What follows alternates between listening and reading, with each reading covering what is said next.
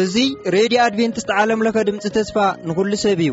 ሬድዮ ኣድቨንትስት ዓለምለኸ ኣብ ኣዲስ ኣበባ ካብ ዝርከብ እስትድዮ እናተዳለወ ዝቐርብ ፕሮግራም እዩ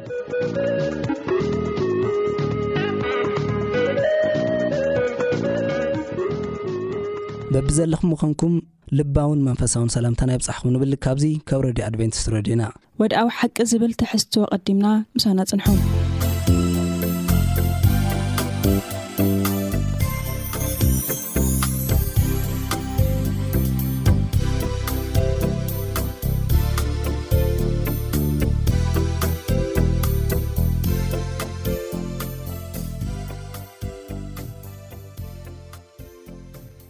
ሰላም ሰላም ኣምላኽ ምሳኹም ይኹን ዝኸበርኩም ተኸታተልቲ መደባትና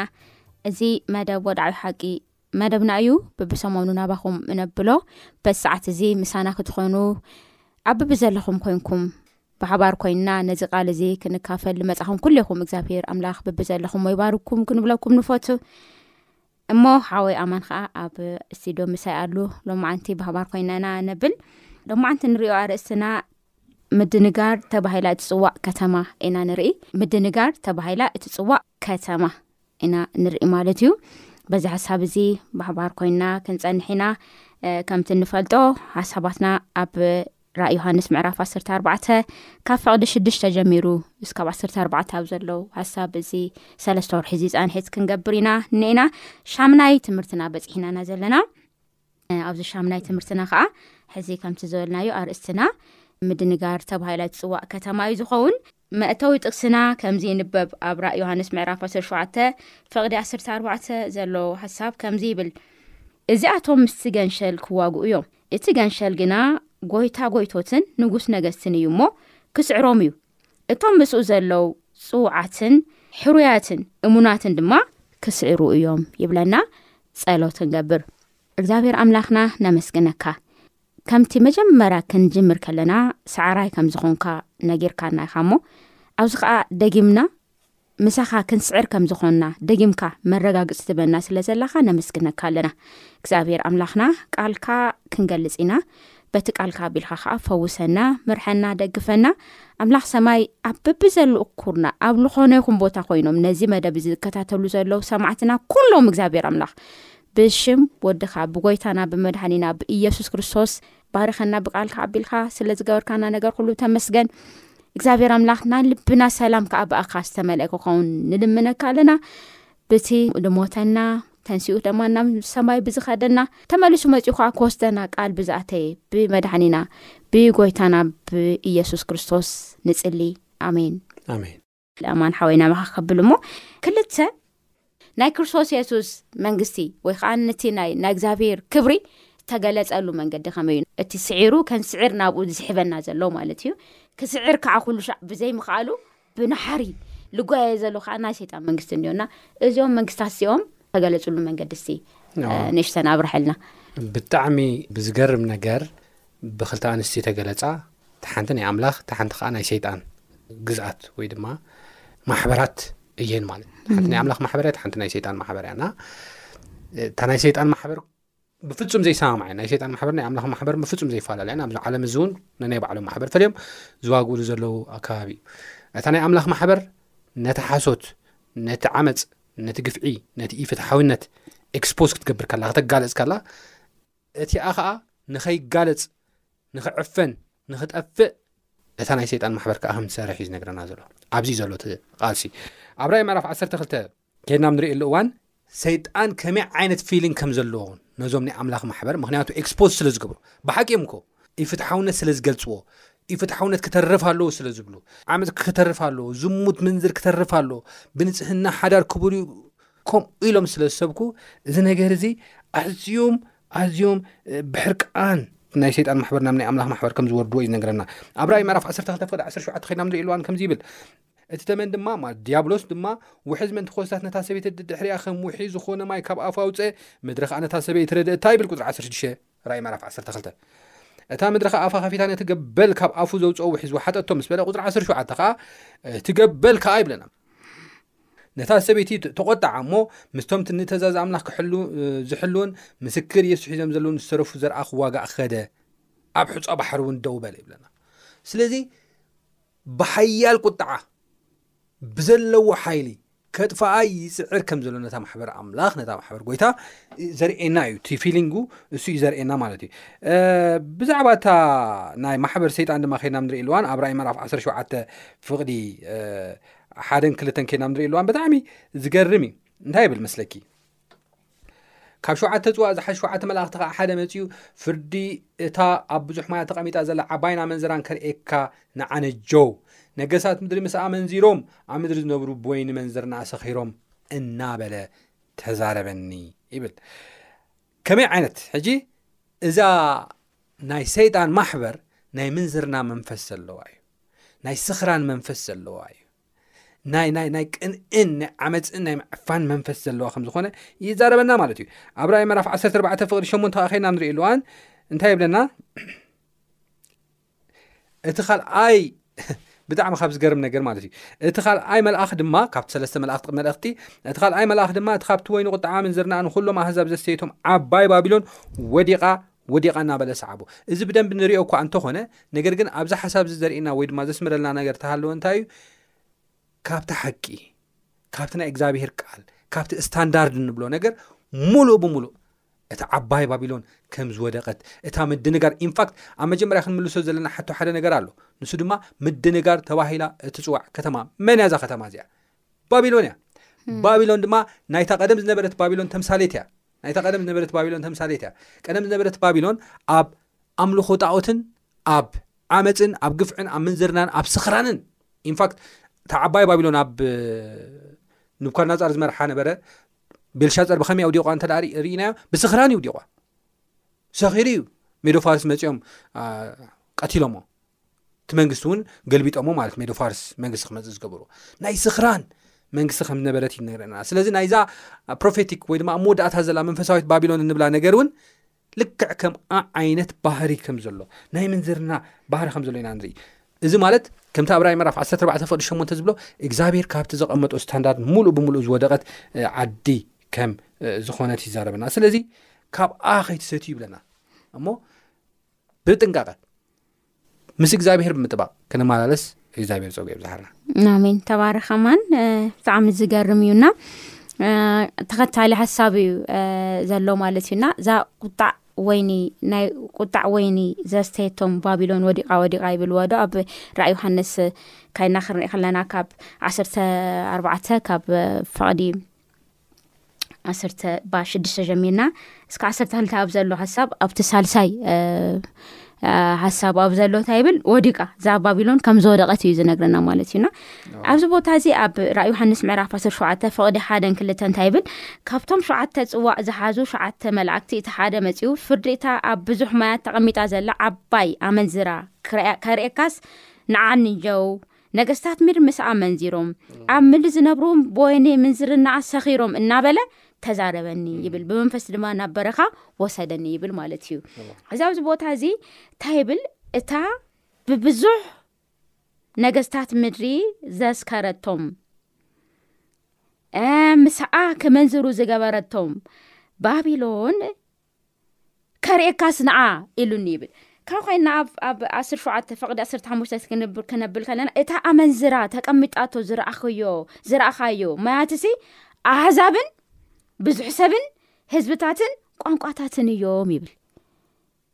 ስለዚ ሕዚ ስኡልና ዝኾነ ጉኡዝ ናይ ከ ይኮና ነውሪ ዘለና ኣብ መንጎ ህዝብታት ዝንቀሳቀስ ዘሎ ሃይማኖታዊ ተቋም ኢና ንዛረብ ዘለና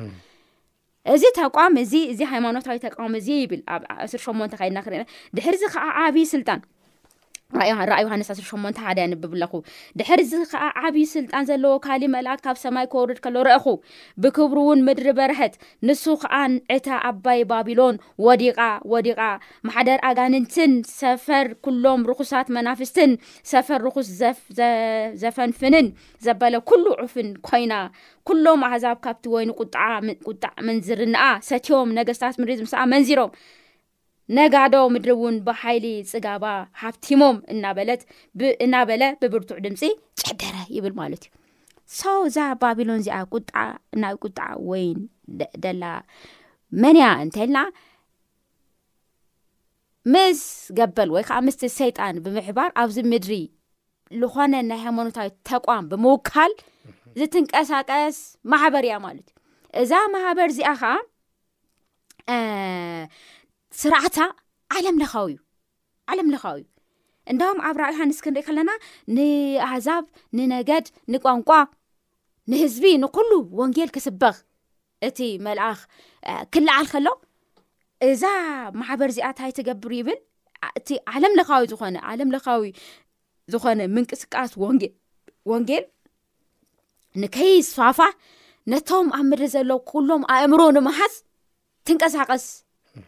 ማሕበር ከም ዝኾነ ይነግረና ማለት እዩ እዚ ናይ ገለ ማሕበር ክንብል ኣይኮናን ግን እቲ ዘንብብ እቲ ዝሰምዕ ግን ከስተዑል ኢና ንብል ዘለና እታ ሓቀኛ ማሕበር መሰረታ መን እዩ ክርስቶስ እዩ ሓጋዚኣ መን እዩ ክርስቶስ እዩ መራሕያ መን እዩ ክርስቶስ እዩ ስለዚ ፍታሕ ክትረክብ ናበይ ኣንተካት ናብ ክርስቶስ እያ ትፅጋዕ እታ ሓቀኛ ማሕበር እንተ ግንታ ናብ ነገስታት ምድሪ እናኸደት ፍታሕ ክትረክብ ትጭድር ላብቲ ግበር መንግስቲ ባ ከምዚ ግበረለይ በዚ ግበር ሕጊ ስርዓቲ ከምዚ ግበረለይ ላበለት ደላ ማሕበር እንተኮይና ግን ካብ እግዚኣብሔር ኣይኮነትን እዛ ማሕበር እዚኣ መፅሓፍ ቅዱስናታይ ይብል ባቢሎን ኢሉ ይፅውዐና ማለት ባቢሎን እያ ባቢሎን ዝኾነሉ ምክንያት እንታይ እዩ ክንብል ከለና እቲ ሓቀኛ ዝኾነ ናይ እግዚኣብሔር ነገር ንከይካየድ ንከይስፋፋ ብምግባር እተፈለጠት ከም ዝኾነት ኢና በዚ ሰዓት እዚ ክንርኢ ኣለና እግዚኣብሄር ግን መሃራይ ከም ኾነ ዝተዓለ እግዚኣብሄር በቃ ንኩሉ ዝጥንቀቅ ኣምላክ ከም ዝኾነ ዝተለዓለ እንታይ ይብል ካብ ባቢሎን እንታይ ግበሩ ውፁ ይብል ካብ ባቢሎን እንታይ ግበሩ ውፁ ህዝበይ ይብል ህዝበይ ናተይ ኣብዚ ክንበብ ከሎሲ ብጣዕሚ በቃ ርእስኻ እዩ ድነኸእካ ካብዚ ዝሰኸረ ካብዚ ዝረኸሰ መንደር እንታይ ግበሩ ውፁ ናባይ ንዑ ኣነ መድሕንኩም ኣምላኩም ናባይ ንዑ ዝብል ጻውኢት ያቅርበና ኣሎ ክርስቶስ መድሓኒና ማለት እዩ እና ሎሚ ክብራት ተከታተልትና ክንፍትን ክንርኢ ከም ሰብ እግዚኣብሔር ከም ዝሰርሐና ክነመዛዝን እቲ ሓቀኛ ዝኮነ ነገር ክንሕዝ እግዚኣብሔር ጻውኢት ያቅርበና እዩ ማለት እዩ ናብዚ ቀጻሊ እኒኦ ሓሳብ ክንካዲ ኢና ናዛ ዓባይ ባቢሎን እቲ ምስጢራ እንታይ እዩ ኣራይ ካብዚ ሕጂ ዝበልክዮ ንእሽተይ ሓሳብ ክውስኽ ይደሊ ሙር ኩሉ ነገር ገሊጽክዮ ኢኺ፣ ብደንቢ ንምግላጽ ዝኣክል ግን ኣብ ራእይ ምዕራፍ ዓሰርተ ሸውዓተ ፍቕዲ ሓደን ክልተን እንታይ ዝብል ኣስሚሩ ኣሎ ሓደ ሓሳብ ካብቶም ሸውዓተ ጽዋእ ዝሓዙ ሸውዓተ መላእኽቲ ከኣ ሓደ መጺኡ ፍርድታት ብዙሕ ሞያ ተቐሚጣ ዘላ ዓባይ ኣመንዝራ ብእንግሊሽ ፎርኒኬሽን ኢሉ ይጽዋዕ እዛ ባቢሎን ተባሂላ ትጽዋዕ ዘላ እቲ ምንዝርናኣ ምስ መን እዩ ተመንዝር እያ ግን ምንዝርናኣ ምስ መን እዩ ካብ ዝገርመኪ እዛ መንፈሳዊት ባቢሎን ሕጋዊ ዘይኮነ ሕጋዊ ዘይኮነ ሕብረት ኣሎ ምስ ናይ ምድሪ ገዛእቲ ሕጋዊ ዘይኮነ ርክብ ምስ ናይ ምድራዊ ገዛእቲ ኣለዋ ይቅድመኪ ናይ ቤተ ክርስትያን ርእሳ ግን ክርስቶስ እዩ ክፍኣት ዝተመልኦ ሕብረት ግን ከም ትገብር እዚ እቲ ምንዝርና ተባሂሉ ተፀዊዑ ዘሎ ካብዚ ከዓ እንታይ ኣትሰቲ ወይ ድማ እንታይ ኣተቐርበሎም መርዚ እያ ተቕርብ ንብዙሓት ሰባት ምእንቲ ከስትዩ ንብዙሓት ሰባት ኣሽሙ ክገብሩ ከም ትገብር እዩ ነገርና እምበኣር ናብ ትሕቶ ናብ ትሕቶ ኣብ ዝመፀሉ እዋን መንፈሳዊት ባቢሎን ክንብል ከለና እንታይ ኢና ንብል ዘለና ክንብል ከለና ኣብ ሰብ ምህሮታት ዝተደገፈት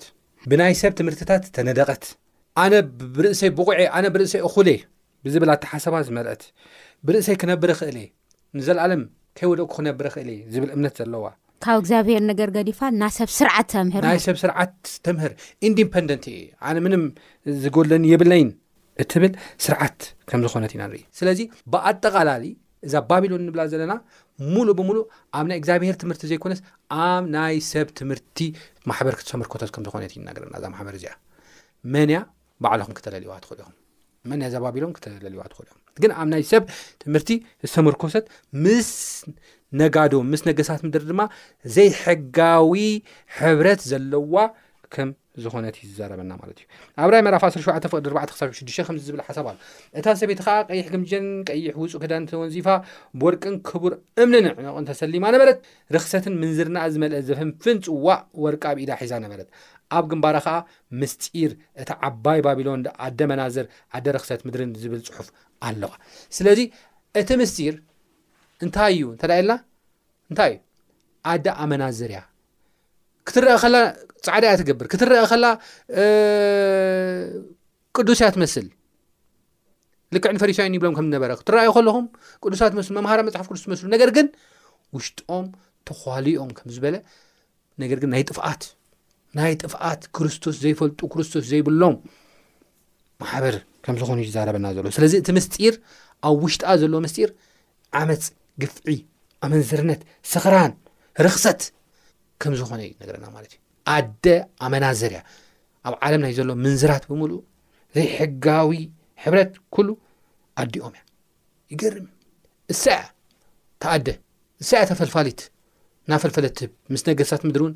ተቐብል ካብ ዝገርም ነገር እዩ ብጣዕሚ ኖባዲ ነውስ ብዙሕ ሰብ ከየዝተውዕሎ ክእል እዩ መፅሓፍ ቅዱስ ግን ከምኡ እዩ ዝብል ስለዚ መፅሓፍ ቅዱስ ሓንቲ ማሕበር ኣብ መፅሓፍ ቅዱስን ኣብ ናይ እግዚኣብሄር ቃልን ተመርኪዛ እትምራሕ ማሕበር ከም ዝኾነት፣ እታ ሓንቲ ግን ኣብ ናይ ሰብ ትምህርቲ ተወኪላ እትቕጽል ማሕበር ከም ዝኾነት እዩ ዝዛረበና እሞ ካብዛ ማሕበር እዚኣ ቅድም ኢልኪ ኣብ ራእይ ምዕራፍ 18 ዝጠቀስክዮ ካብዛ ማሕበር እዚኣ ውፁ ምክንያቱ ቁጣዓ ቀሪቡ እዩ ህዝበይ ካብኡ ውፃእ ምክንያቱ ካብ ቁጣዓ ከይትካፈሉ ዝብለና ነገር ካብኣ ወፂና ብቅድስና ትምህርትታትና ኩሉ ልብና ኩሉ ኣብ ናይ ቃል እግዚኣብሄርን ኣብ ክርስቶስን ክኸውን ይግባእ እናበልኩ እዚ ሓሳብ ኣሜን ኣሜን ተባረኽ ኣማን እዚ እውን ተወሳኺ ሕና እሙናት ኮይንና ንእግዚኣብሄር ኣርስና ወፊና ንቅድሚት ክንቅፅል በቃ ፃውዒት ዝቅርበና ማለት እዩና ኣብ ራእይ መፅሓፍ ክንሪኢ ከለና ኣንቶ ከምቲ ዝረኣናዮ ናይ ክልተ ኣንስቲ ንባዕለን ወፍየን እየን ተሓንቲ ንመንያ ንባዕላ ወፍያ ሒባ ነቲ ገበል ነቲ ሰይጣን ማለት እዩ ነታ ሓንቲ ሓንቲ ከዓ እንታይ ገይራ ነቲ መድሕን እያ ዝኾነ ንክርስቶስ ኣርሳ ወፍያ ማለት እዩ ነታ ሓንቲ ባህርያ ክንሪኢ ከለና ነታ ንክርስቶስ ኣርሳ ወፍያ ንትንቀሳቐስ ማሕበር ብምጥፋእ ብምጥፍፋእ ማለት እዩ ብምቅታል በቃ ካብ ብምስጓግ ካብ ዝተልዓለ እቲ ተኸደነቶ ክዳን በዓሉ ቀይሕ ወይ ድማ ናይ ቅዱሳን ደም ዝሰከረት ከም ዝኾነት እና ንርኢ ማለት እዩና ሓደ ሓደ ግዜ ክንርኢ ከለና እታ ህዝቢ ኣምላኽ ወይ ከዓ እቲ ማሓበር ኣምላኽ ተሰዓረ ይመስል በቃ እቲ ምድሪ ብምሉኡ በታ ቀይሕ ዝተኸነነት እላ ዝተወከለት ማሕበር ዝተዋሓጠ እዩ ዝመስል ኮይኑ ግን ክርስቶስ ናይታ ማሕበሩ ፅኑዕ መሰረታ መን እዩ ክርስቶስ ከም ዝኾነ ንርኢ ማለት እዩና እታ ቤት ከዓ ዝተመስረተት ብመን እዩ ብቃሉ ብናቱ ትምህርትን መንፈስን ዝተመስረተት ከም ዝኾነት ንርኢ መራሂ መን እዩ ክርስቶስ የሱስ ከም ዝኾነ ንርኢ ማለት እዩ ባቢሎን ዝተመስረተት ከዓ እንታይ ኢልና ብሰብ ሰራሕቲ ነበረ ነበረ ካብ ቃል ኣምላኽ ወፃኢ ብዝኾኑ ንሰባት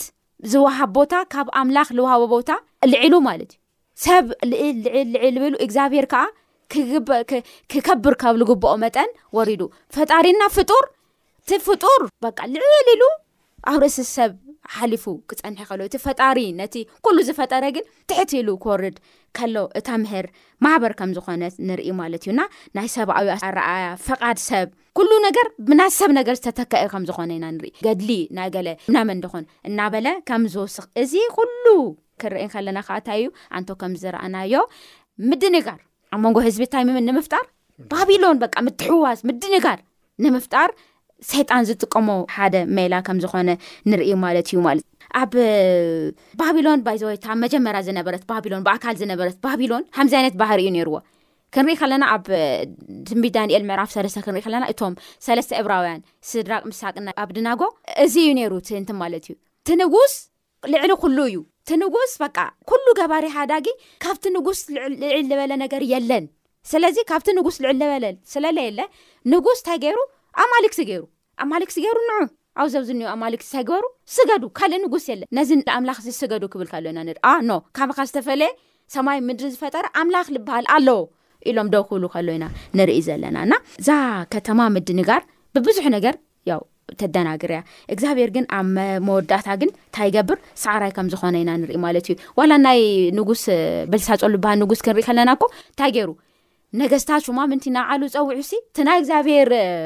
ቅዱስ ኣቅሓ ካብ ቤቱ ካብ እግዚኣብሔር ቤት ኣውፅኡ እንታይ ይገብር ነይሩ ዩ ይሰቲ ነይሩ ሰኺሩን እዚ ባቢሎን ናብ ባቢሎን ዝመረቡ ነገስታት በዕሉ ብባህርኦም ከምኡ እዮም ነይሮም ንኡ እዩ እዚ መፅሓፍ ቅዱስና ባቢሎን እታ ሓቅን ሓሶትን ደንግርግር ኣቢላ ንህዝቢ ትህብ ዘላ እንታይ ትኸውን እያ ትወድቅ እያ ሕዚ ውን ናይ እግዚኣብሔር ፃዊት ግን ህዝበይ ታይ ግበር ካብኣ ውፃእ ይብል ኣብ ኣየኑ ትምህርቲ ኢና ደው ኢልና ኢና ኣብ ኣየኑ መንገዲ ኢና ደው ኢልና ዘለና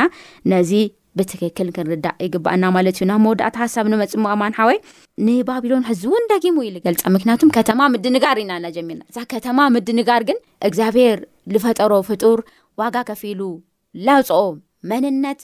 ኣብኡ ቦታ እሱ ኮይኑ ክርኢ ጎይታ ፍቃዱ ኣይኮነን ህዝበይ ንዓ ናባይ ኣነ ኣምላኽካ እየ ምክንያቱም እንታይ ይብል እታ ዝፈርደላ መዓልቲ በፂሓ እያ እሞ ንእግዚኣብሄር ስገዱ ይብል ሰማይ ምድርን ዝፈጠረ ስገዱ ዝብል ቃል ይወፀና እዩ ማለት እዩ እና ካሊእ መግለፂ እውን ኣብ ባቢሎን ኣሎ ሲ እሱ ሒዝካ ኣጠቃሊልካ ትውዳእና ይሃማን እወ ቅድም ኢልክና ገለፅኪ ከም ዝነበርኪ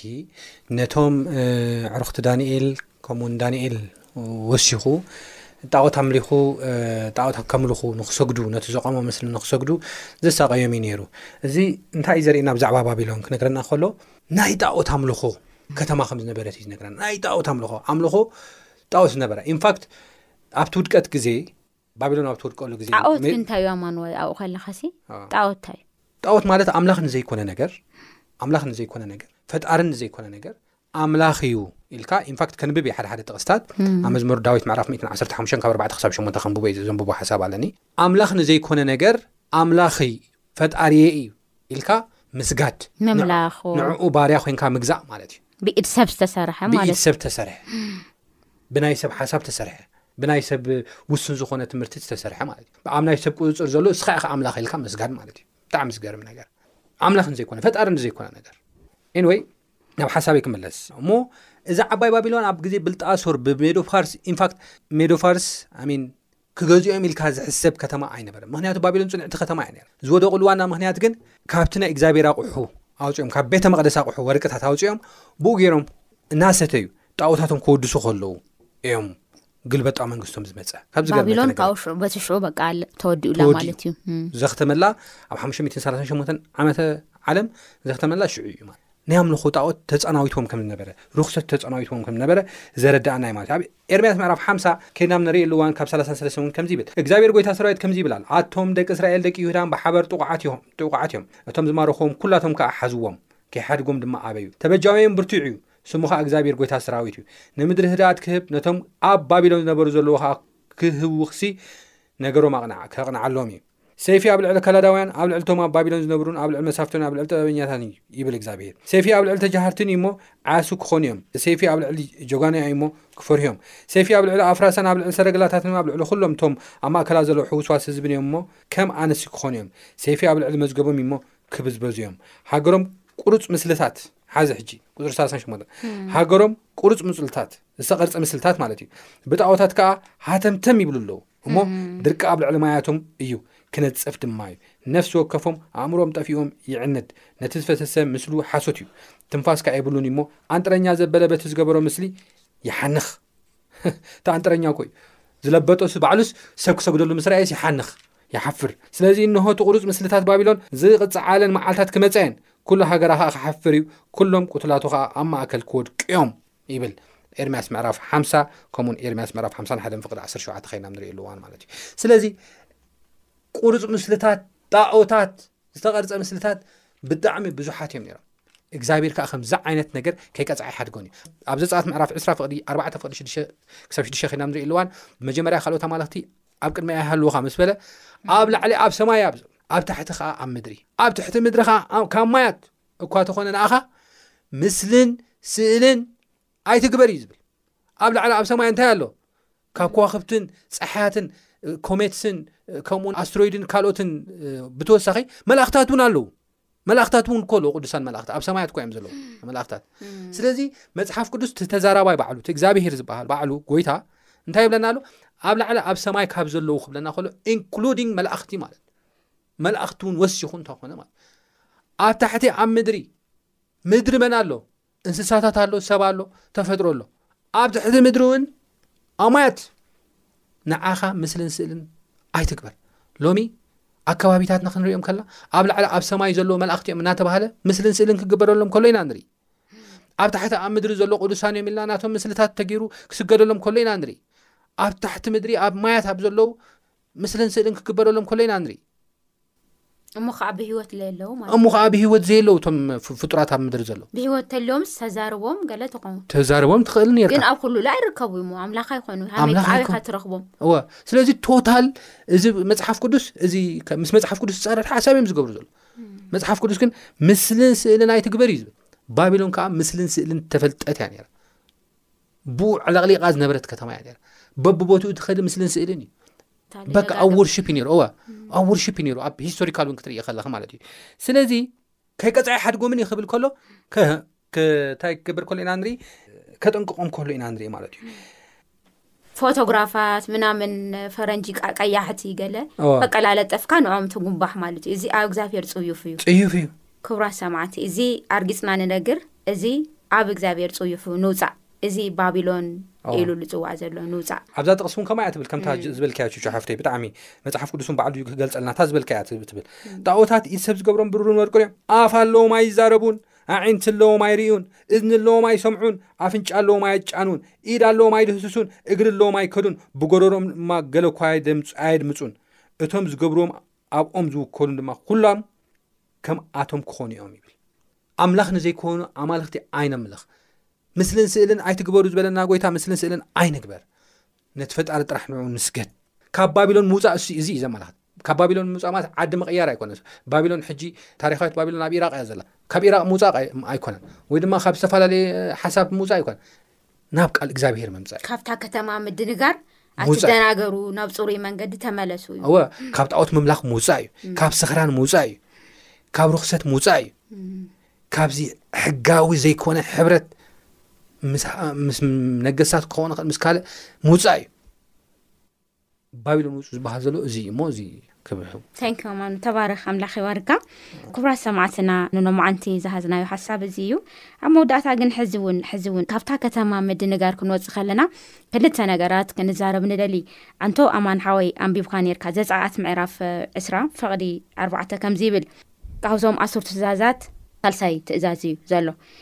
ከምዚ ይብል ኣብ ላዕሊ ኣብ ሰማይ ካብ ዘለው፣ ኣብ ታሕቲ ኣብ ምድሪ ካብ ዘለው፣ ኣብ ማያት ኣብ ትሕቲ ምድሪ ካብ ዘለው ምስልን ስእልን ዘበለ ከኣ ኣይትግበር፣ ኣይትስገደሎምን ኣይተገልግሎምን ድማ። ኣነ እግዚኣብሄር ኣምላኽካ ቀናኢ ኣምላኽ እየ እሞ፣ ንዝጸልኡኒ ሓጢኣት ኣቦታት ኣብ ደቂ ክሳብ ሳልሳይ ክሳብ ራብዓይ ወለዶ ዝቀጽዕ ይብል ማለት ንዝጸልኡኒ ንእግዚኣብሄር ምጽላእ ማለት እዩ እዚ ምስ እግዚኣብሔር የለናን ንውፃእ ካብቲ ዘለናዮ ቦታ ምስ እግዚኣብሔር የለና ነዚ እውን ደጊምና ንዛርብ ንእግዚኣብሔር ምፅላእ እዩ ምስልታት ኣብ ገዛኻ ብ ፍቐዱ ኣብ መንደቕካ ጌርካ ተጎንፊሕካ ምውዓል ምስ እግዚኣብሄር ፅልኢ እዩ እግዚኣብሄር ግን ሕዚ እውን ህዝበይ ውፃእ ብዘይ ምፍላጥካ ዝገበርካዮ ይኣኽለካ እዩ እሞ ናባይ ናብቲ ፈጣሪ ምክንያቱ ኣብ መወዳእታታ ይብል እግዚኣብሄር ብሽዱሽተ መዓልቲ ሰማይ ምድርን ባሕርን ኣብኣታቶም ዘሎ ኩሉን ገይሩ እዩ እሞ ብሰብዓይቲ መዓልቲ ከዓ ዓረፈ እግዝኣብሄር ሰማይን ምድርን ዝፈጠረ ኣምላኽ በይኑ እዩ ፍጡር በይኑ እዩ ፍጡርን ፈጣሪን ኣይነተሓዋውስ በቃ እዚ እዩ ከተማ ምድንጋር ንብለና ፍጡርን ፈጣሪን ኣይተሓወስ እግዚኣብሔር ኣብ እግዚኣብሔር ወልድ እግዚኣብሔር መንፈስ ቅዱስ ኣብ ሰማያት ዘለው እዚኦም ሰለስተ ኣካላት እዮም ልዕሊ ኩሉ